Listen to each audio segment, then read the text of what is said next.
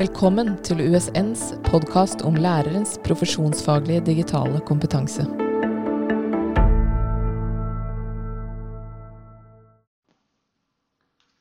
Ja, hei. Velkommen til podkast om aksjonsforskning og aksjonslæring. Mitt navn er Gunstein Egberg, lærerutdanner ved USN. Og I dag så har jeg med meg to gode kollegaer også fra USN, og som også er lærerutdannere. Det er Halvor Bjørnsrud og Elisabeth Stenshorne.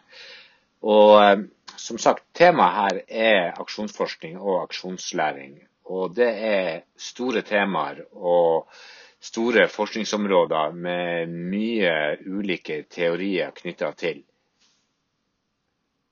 Men vi har jo noen strategier innenfor eh, innenfor eh, aksjonsforskning, hvis vi kommer inn på en skole og skal jobbe sammen med de om et tema de kollektivt ønsker å utvikle, så går det jo an å sette i gang noen strategier her. Så jeg tenker på ITP-modellen, Gunstein.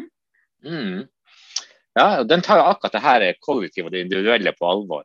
For I-en står for individuell, Eh, T-en står for team. Jeg ser av og til at man kaller den T-en for G for yeah. gruppe også, så det kan man kanskje av og til også komme over. Men T for team, og så er det P for plenum. Og som da tenker at vi reflekterer først individuelt og, og gjør oss våre egne oppfatninger og tanker om den problemstillinga vi jobber med. Og så deler vi og diskuterer det sammen i team. Og så har vi da også plenumsprosesser knytta til det. Og det her kan jo gå i flere runder, og man kan gjøre det på forskjellige tilnærminger i denne ITP-modellen.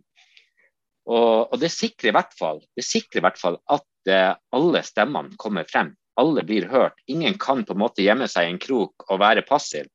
For alle, alle blir hørt. Og det er også en fin måte å på en måte skape liksom en sånn prosess nedenfra, fra individet via teamet og opp til en sånn mer konstruktiv plenumsdiskusjon. Og så er det et eller annet med, Halvor, hva du, hva du anbefaler Halvor, når det gjelder litt sånn skriftlighet i de her eh, prosessene? Hvordan skal vi liksom, på en måte skriftliggjøre de her refleksjonene som foregår på de ulike nivåene? Så Det som er ganske interessant, er jo det at det, du må lage noen spørsmål mm. som må styre prosessen. Når du på en måte har kommet inn på skolen og på en måte aksjonen er i gang i forhold til et tema. da. Mm. Si, du har klasseledelse, da, som vi snakka om i stad.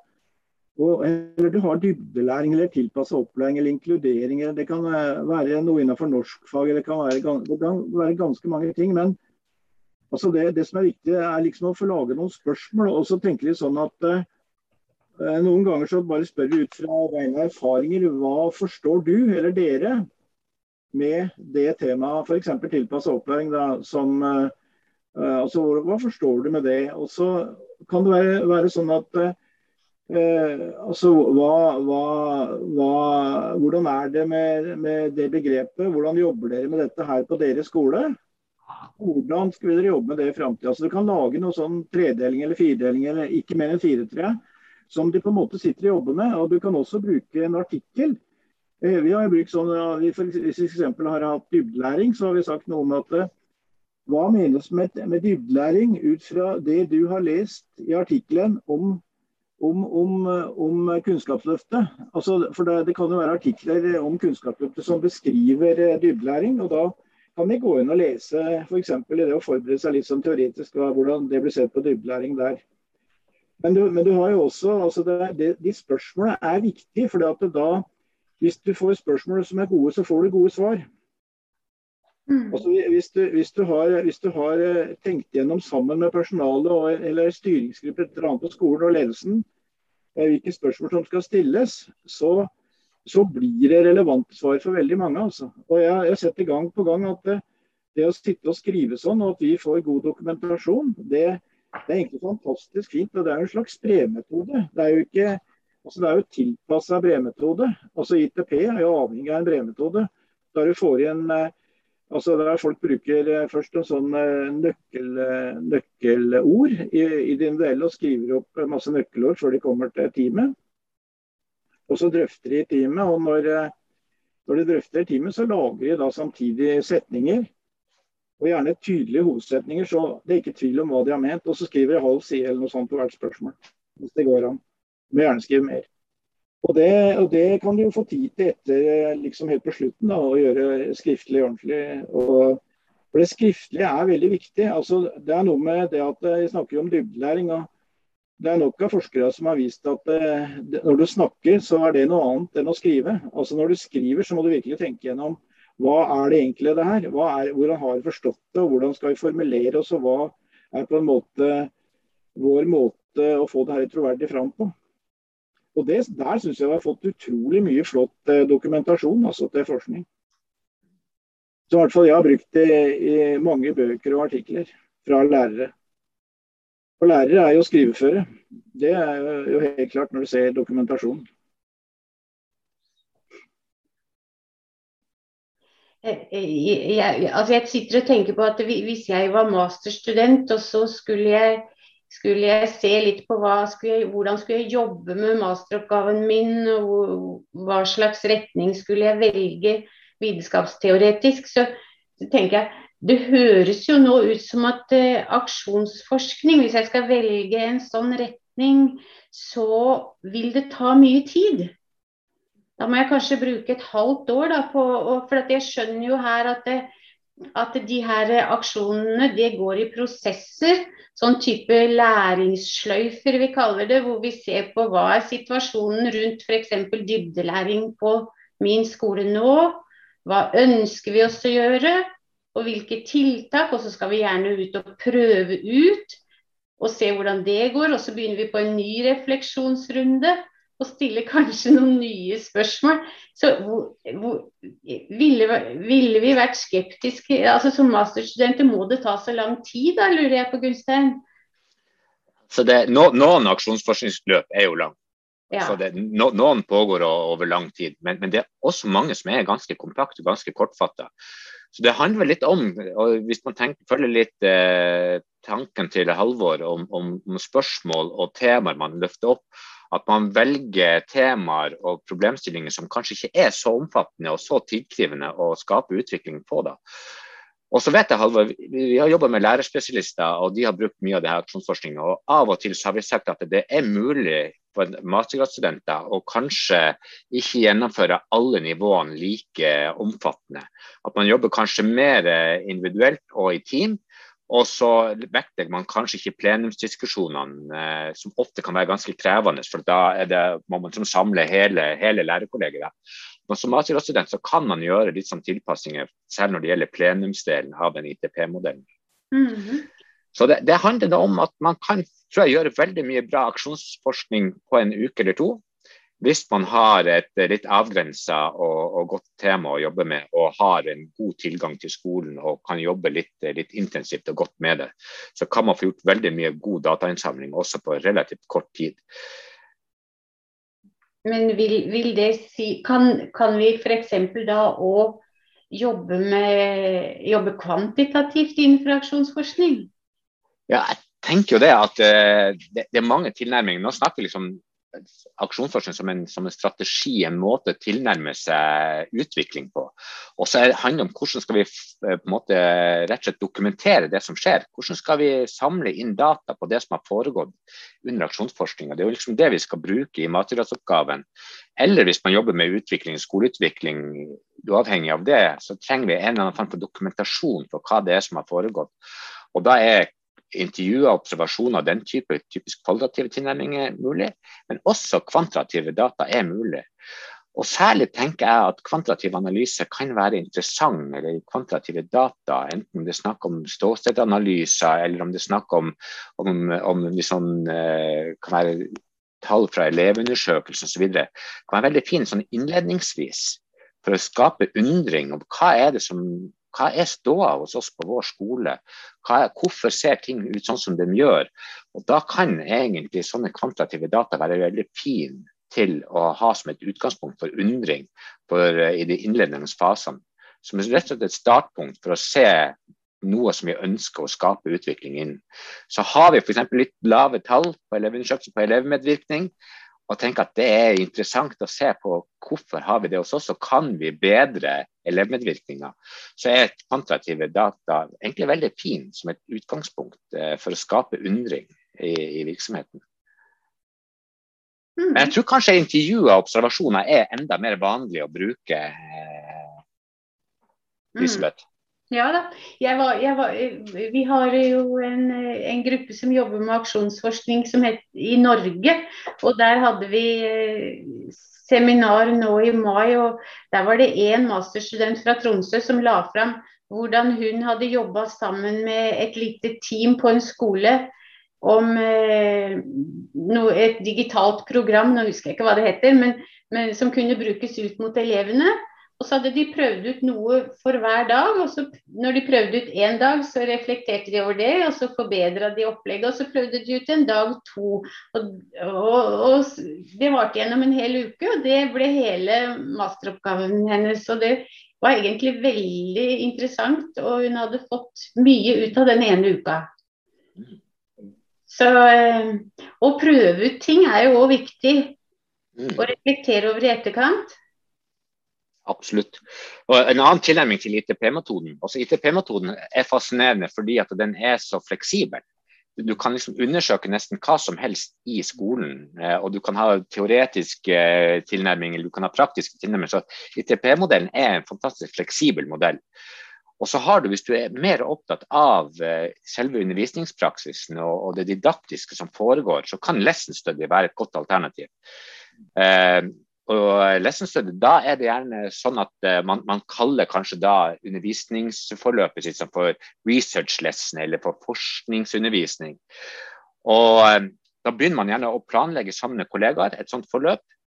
Og bestemme hva er, det vi skal, eh, hva er det vi skal undervise, hva er temaet, og hva er det spesifikt vi ønsker å observere og utvikle i denne undervisninga. Så hvis man snakker da f.eks. om en ny metode som tas i bruk, eller en ny teknologi som kommer inn, så ønsker man kanskje hvordan skal vi bruke f.eks. nettbrett til tilpasset opplæring. Er det noen spesielle funksjoner med nettbrettet vi ønsker å bruke til tilpasset opplæring?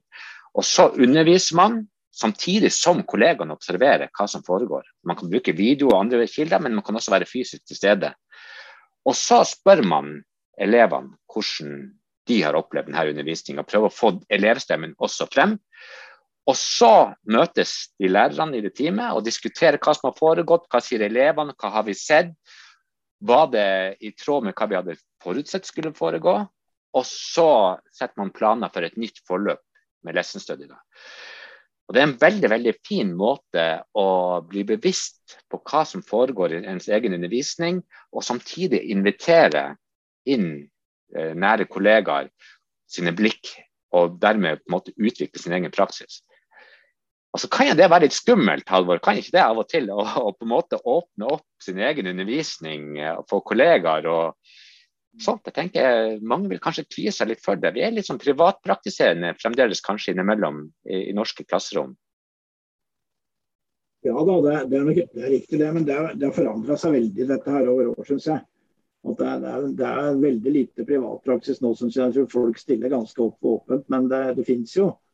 Men det som jeg synes er litt viktig å si, det er i forhold til forskerrollen. Altså hvis du f.eks. som masterstudent da, eller ta en doktorgrad eh, kanskje i hvert fall masterstudenter har av og til gjort det på egen skole. Altså De har vært på egen skole, eller noen har gjort det på skoler de kjenner. Også, også for, for det, Der kommer de ofte inn mye dypere. altså De kommer lenger inn fordi at de kjenner til en del ting. Og da husker jeg foreleste i et eh, Det var en, på et, eh, et masterstudie et annet sted. Men da, da var det sånn at jeg sa noe om at det var lov til å forske i egen kultur.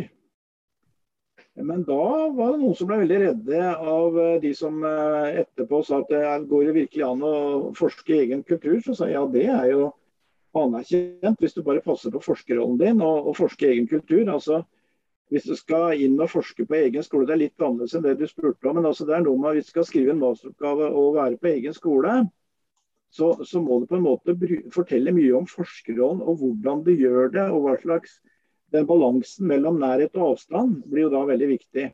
Og at du ikke kommer for nær, at du, at du, at du må passe deg for det. altså. Og for Forskerrollen er jo veldig veldig sentral oppi dette her med aksjonsforskning.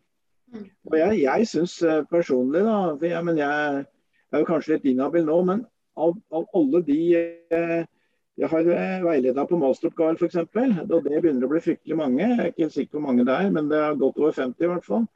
så, så er veldig mange av dem skriver om aksjonsforskning. Og, og, det jeg forundrer meg over, er hvor gode jeg er blitt på metode. Altså Aksjonsforskning er avhengig av at folk gjør en ordentlig metodedel. Og da går det bra. Men de kan gjøre sånn som dere snakka om. altså Du kan ha litt korte perioder, du kan tilpasse veldig. Og du kan få til veldig gode oppgaver hvis du bare passer på tidsbruken, og at du bruker den empirien du har, på en god måte.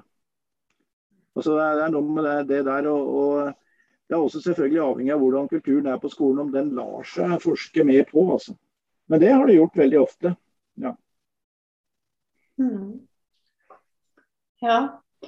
Jeg tenker jo på, sånn så, som du snakka om, eh, Gunstein, med lesson study. Altså velge et tema, et forskningsspørsmål for, for en time i klassen som du skal observere. Så, så det som vel er litt med å observere hverandre, som du kan gjøre innenfor både aksjonsforskning og aksjonslæring, så, så handler det vel litt Handler ikke lesson study litt om at du, du Altså når du planlegger i sammen, ikke sant, så er det flere som har gjort det sammen. Og så prøver du ut, og så skal du se like mye på altså Ikke se på hva læreren gjør så mye, men du skal se på hvordan reagerer elevene på det som skjer. Og så kan du ja, reflektere over det i etterkant. og Da er det jo lettere å være litt kritisk til uh, det som har skjedd i timen. Når du flytter blikket til elevene, og når du har planlagt de sammen, så blir det ikke så Altså, det blir litt mer ufarlig å ha en observatør inne i gruppa di. Jeg er enig i det. Samtidig så tror jeg det er viktig at man snakker om det her innledningsvis. Eh, for det første at du, du, du er nok avhengig av å ha kollegaer og folk inn i en sånn lesestudie som du har litt tillit til. Sånn du, for det er alltid en sånn etisk dimensjon som jeg syns er til stede i lesson study, der, der eh, det må være det må, Man må spille med litt åpne kort, og man må ha tillit til hverandre. Og man må ha en forståelse av hva målet med den lesson studyen er. Den er ikke nødvendigvis å kritisere praksis, men den er å utvikle praksis. da. Mm. Uh, og hvis man har eksterne inn, uh, så er det veldig viktig å, å, å også avklare den eksternes uh, posisjon, da, sånn at den stemmen også er avklart. Så det er et eller annet her som man, man skal ikke ta det, man skal ikke ta for lett på det, tror jeg, samtidig som det er veldig kraftfullt å, å ta yeah. utgangspunkt i, i, i, egens undervisning og ha et ønske om å få, få forbedre den praksisen. Mm. Mm. Jeg har jo vært ute på skoler og, og jobba sammen med skoler så, hvor læreren syns det har vært veldig sånn ubehagelig å mm. komme inn og observere hverandre og da snakka vi med hverandre, men vi er jo interessert i hva som skjer med elevenes læring. Og når de først kom i gang med det, så opplevde de det som så verdifullt å reflektere over i etterkant. Og her kan man jo òg ta inn ITP-modellen. Eh, når du reflekterer i etterkant, så kan du, da, kan du gjøre det individuelt først, og så møte den du observerte eller hadde time sammen med, og reflektere over det, og så dele med andre etterpå. Det er jo òg Tor Arne Wølner som jobber hos oss, han har jo òg filma timer hvor de, hvor de, har gått hver for seg etterpå og sett filmen, og det blir jo veldig kraftfullt. Det det. Gjør det. Ja. Og, at, en annen faktor også, hvis det er sånn at man lar det gå litt på rundgang, at hvis man er tre lærere som sammen jobber med, med lesson study, at det ikke er den samme hver gang som skal i ilden, men at man rett og slett lar det gå litt på rundgang, kan det også være en fin måte å skape, skape på en måte en litt mer sånn ufarlig situasjon. Det er at alle, alle, må tørre å, å, stå litt og bli observert. Mm. Mm. Ja, og no, noe av forskningen sier jo at det, altså det der å reflektere over undervisning og sin egen praksis sammen med andre, det er veldig verdifullt. Og vi lærer mye av det. Men det er ingenting vi lærer så mye av som når vi har observert i tillegg. Ja. Det tror jeg er et veldig fint litt sånn avsluttende ord uh, for denne podkasten. Jeg synes Vi har vært innom mange interessante temaer. og Vi har prata både om, om uh, vitenskapelige posisjoner og vi har snakka om, uh, om hva forskjellen mellom aksjonslæring og aksjonsforskning og til og med vært inne på konkrete metoder for å drive aksjonsforskning, både ITP-modellen og lesson study. Så er det noen avsluttende kommentarer fra Halvor eller Elisabeth før vi setter strek for denne podkasten? Jeg tror kanskje at uh, det som er interessant å se, er jo hvordan dette har utvikla seg. Fra Jorunn Møller f.eks. tok doktorgraden sin i 90-åra på Universitetet i Oslo, og framover til flere andre som har tatt doktorgrader. Og hvordan dette er blitt veldig mer sånn altså at aksjonslæring og den skolebaserte vurderinga på en måte har uh, eh, utvikla seg, og at det er mer aksept på aksjonsforskning nå. Det er jo, jeg syns det er eh, veldig mye av det som skjer. Altså, det er jo ingen tvil om at aksjonsforskning uh, kanskje har slitt litt med å bli anerkjent, som veldig mye annen forskning. Men det, det er noe med at når det er snakk om utvikling og reformer og ledelse f.eks., så er dette strategier som er veldig gode både for eh, studenter og de som skal utvikle. Altså. Og Det tror jeg er veldig viktig å, å ta med. Er ingen som har fått det her gratis. Det det har blitt arbeid, og folk har på en måte sett eh, både forskere og praktikere at det virker. For det her virker. Det gjør det. Da tror jeg vi lar den eh, gode kommentaren fra Halvor, det her virker, være avsluttende for denne podkasten. Takk Halvor og Elisabeth for å bli med på denne praten. Og så ses vi kanskje igjen i en annen podkast en annen gang. Takk for nå.